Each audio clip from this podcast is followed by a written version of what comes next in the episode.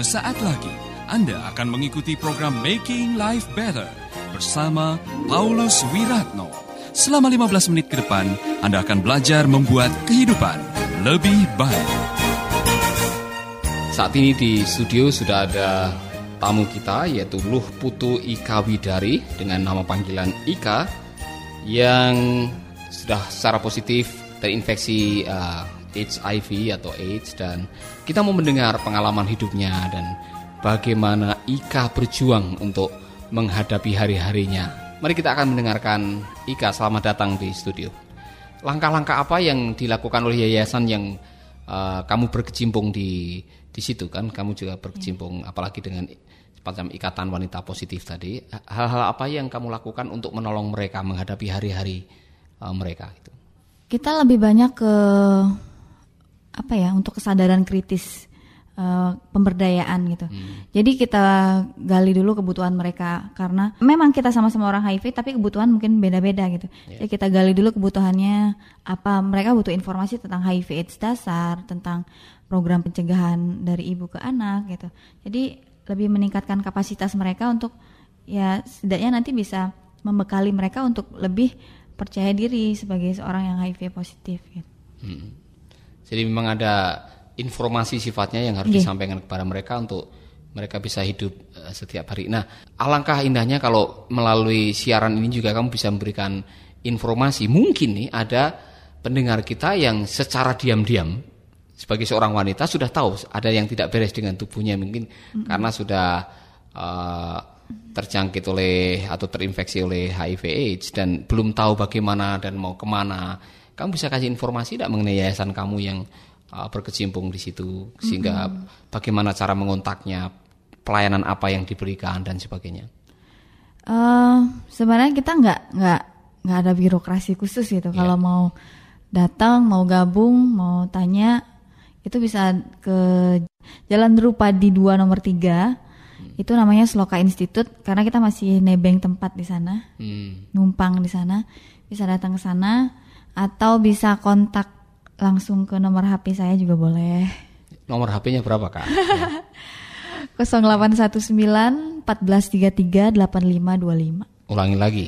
0819 1433 8525 Nah, sejak kamu berkecimpung di yayasan ini dan uh, tentunya kamu memberikan semacam penerangan-penerangan kepada anak-anak muda, para remaja, ya.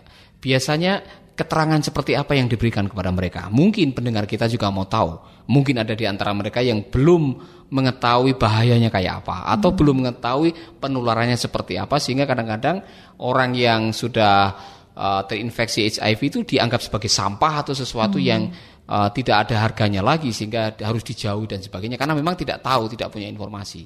Jadi yang kita jelaskan itu sih uh, dari mulai cara penularan HIV/AIDS itu seperti apa. Kadang uh, diskriminasi atau pembedaan orang dengan HIV itu muncul dari ketidaktahuan tentang cara penularan gitu. Sebenarnya cara penularannya uh, yang pertama itu melalui hubungan seksual karena virus HIV itu sendiri ada di dalam uh, cairan sperma sama cairan vagina. Jadi ditekankan lagi HIV itu di cairan sperma bukan di spermanya gitu. Di cairannya, cairannya gitu. Hmm. Terus yang kedua melalui uh, suntikan. Suntikan, baik itu jarum suntik narkoba, jarum suntik yang lainnya gitu, yang tidak steril.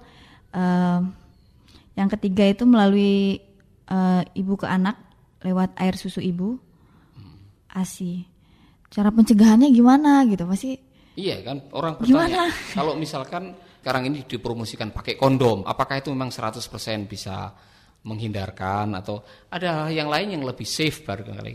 Um, sebenarnya ada lima cara pencegahan untuk terhindar dari virus HIV yang pertama itu abstain abstinen. Tidak melakukan hubungan seksual. Sama sekali. Sama sekali. Kalau suami istri yang uh, dulunya mengadakan hubungan uh, seksual kemudian tidak sama sekali bagaimana itu? kalau sama sekali tidak melakukan hubungan. Ya jadi abstinen itu kalau menurut saya ya itu um, pasnya itu masuk untuk teman-teman remaja hmm. karena belum uh, pada jenjang menikah gitu. Ya, artinya untuk remaja-remaja yang memang belum menikah jangan coba-coba melakukan hubungan seks seksual. pranikah. Gitu. betul sekali.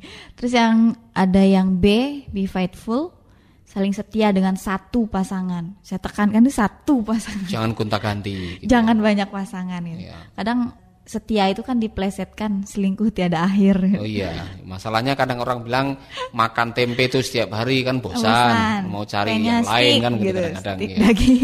Iya. Terus yang C itu kondom. Iya. Eh, bisa nggak sih 100% kondom itu eh, tidak menularkan si virus HIV gitu? Eh, sampai sekarang ini kondom memang efektif untuk eh, tidak menularkan si virus HIV ini. Asal cara pemakaiannya benar gitu. Iya. Jangan pakai di jempol. Iya, saya mendengar itu ada orang yang pakai di jempol. Jadi eh, sampai sekarang memang eh, dari berapa uji untuk kondom itu memang kondom efektif untuk mencegah virus ini masuk gitu.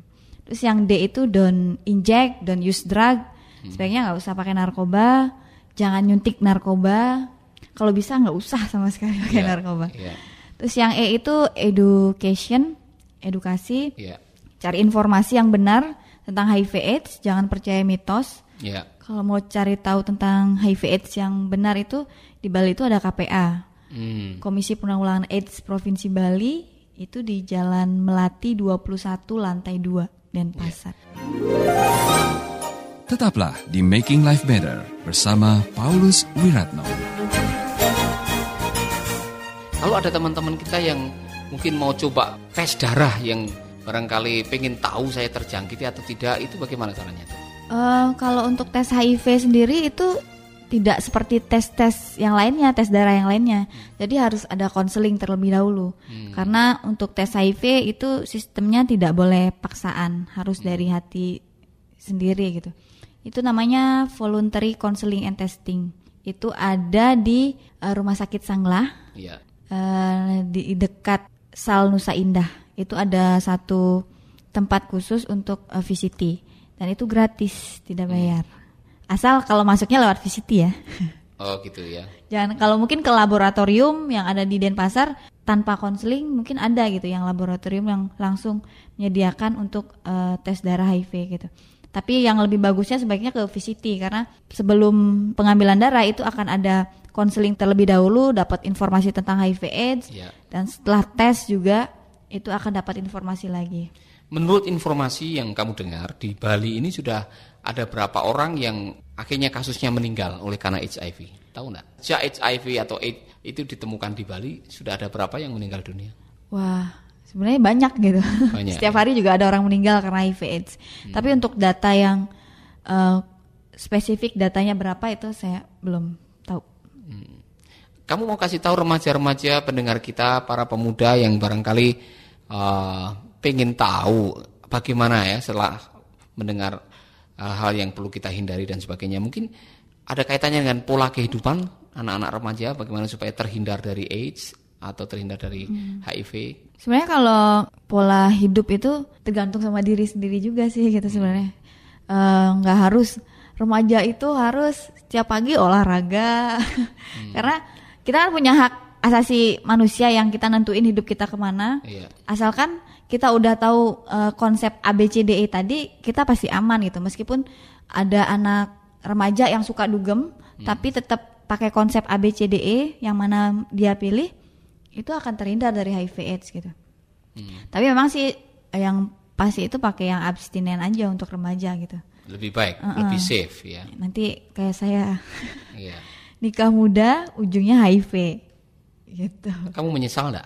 Saya tidak pernah menyesal karena eh, saya yang em, memutuskan untuk saya menjalani ini gitu. Karena da- pada saat saya memutuskan untuk menikah, jadi orang tua saya memberikan dua pilihan. Kalau kamu menikah, kamu harus siap menjadi seorang ibu Iya. dan meninggalkan sekolah karena Jadi kamu putus sekolah enggak sampai putus sekolah.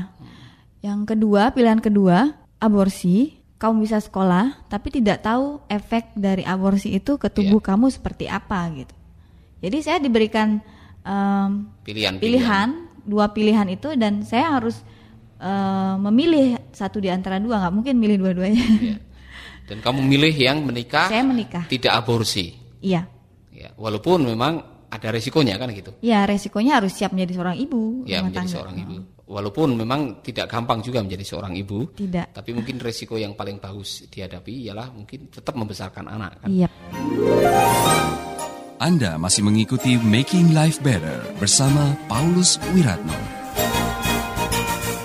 Ika, uh, saya pikir pendengar kita juga senang kalau kita bisa mendengar ini lebih pribadi lagi nih pertanyaannya kan. Tadi sudah menyangkut age, ini sekarang menyangkut Ika yang masih muda dan ada pergumulan membesarkan seorang anak. Tadi saya mendengar ada ketakutan-ketakutan yang kadang-kadang muncul di benak uh, Ika. Ada enggak semacam kerinduan untuk anak ke depan gitu? Sebagai seorang ibu, apa sih uh, cita-cita saya? Saya ingin melihat anak saya seperti ini, seperti ini di kemudian hari. Iya, sebenarnya sih sedih juga gitu. Uh, kalau secara teori itu hidup 5 sampai 10 tahun, kadang saya berpikir gitu. Bisa nggak sih saya lihat anak saya sampai SMA gitu? Sekarang aja masih SD kelas 1 gitu. Hmm. Bisa nggak sih saya membesarkan anak saya sampai kuliah? Gitu. Dari sekarang saya udah mulai berpikir seandainya saya tidak bisa, itu anak saya akan ke mana gitu. Hmm.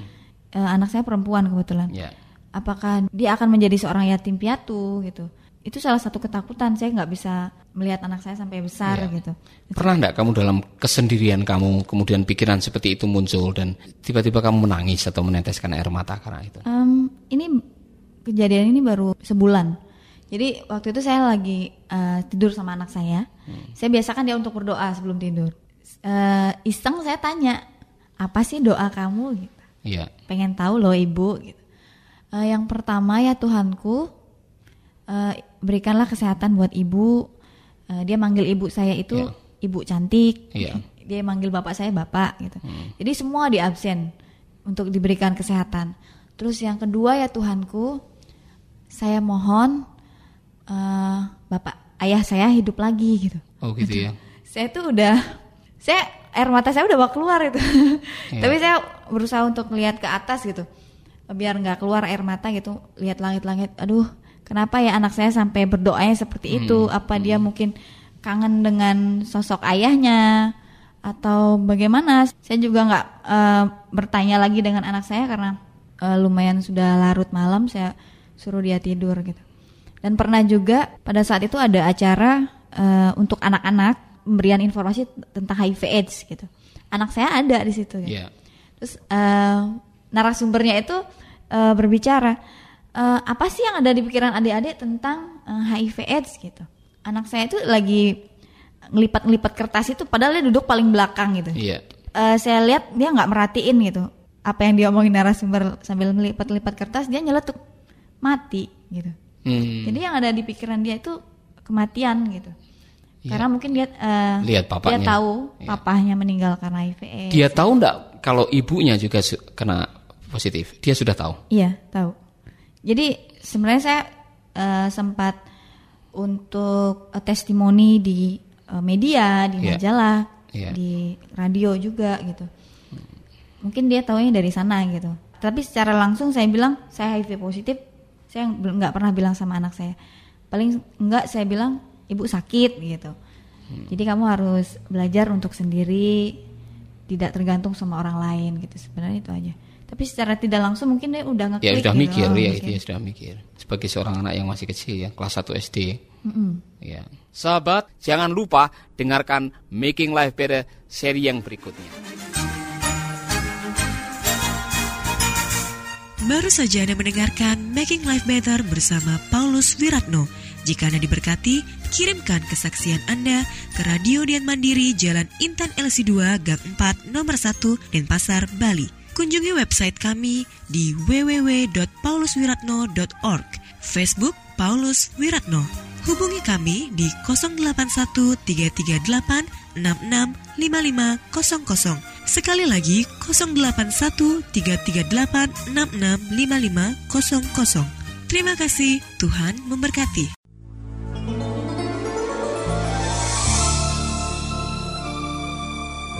Keluarga Gracia, biarlah firman Tuhan selalu menjadi pelita dalam hidup kita sepanjang tahun ini. Dengarkan selalu radio Suara Gracia di 95,9 FM, streaming di suaragratiafm.com/streaming atau dengan aplikasi Android Radio Suara Gratia yang tersedia di Play Store.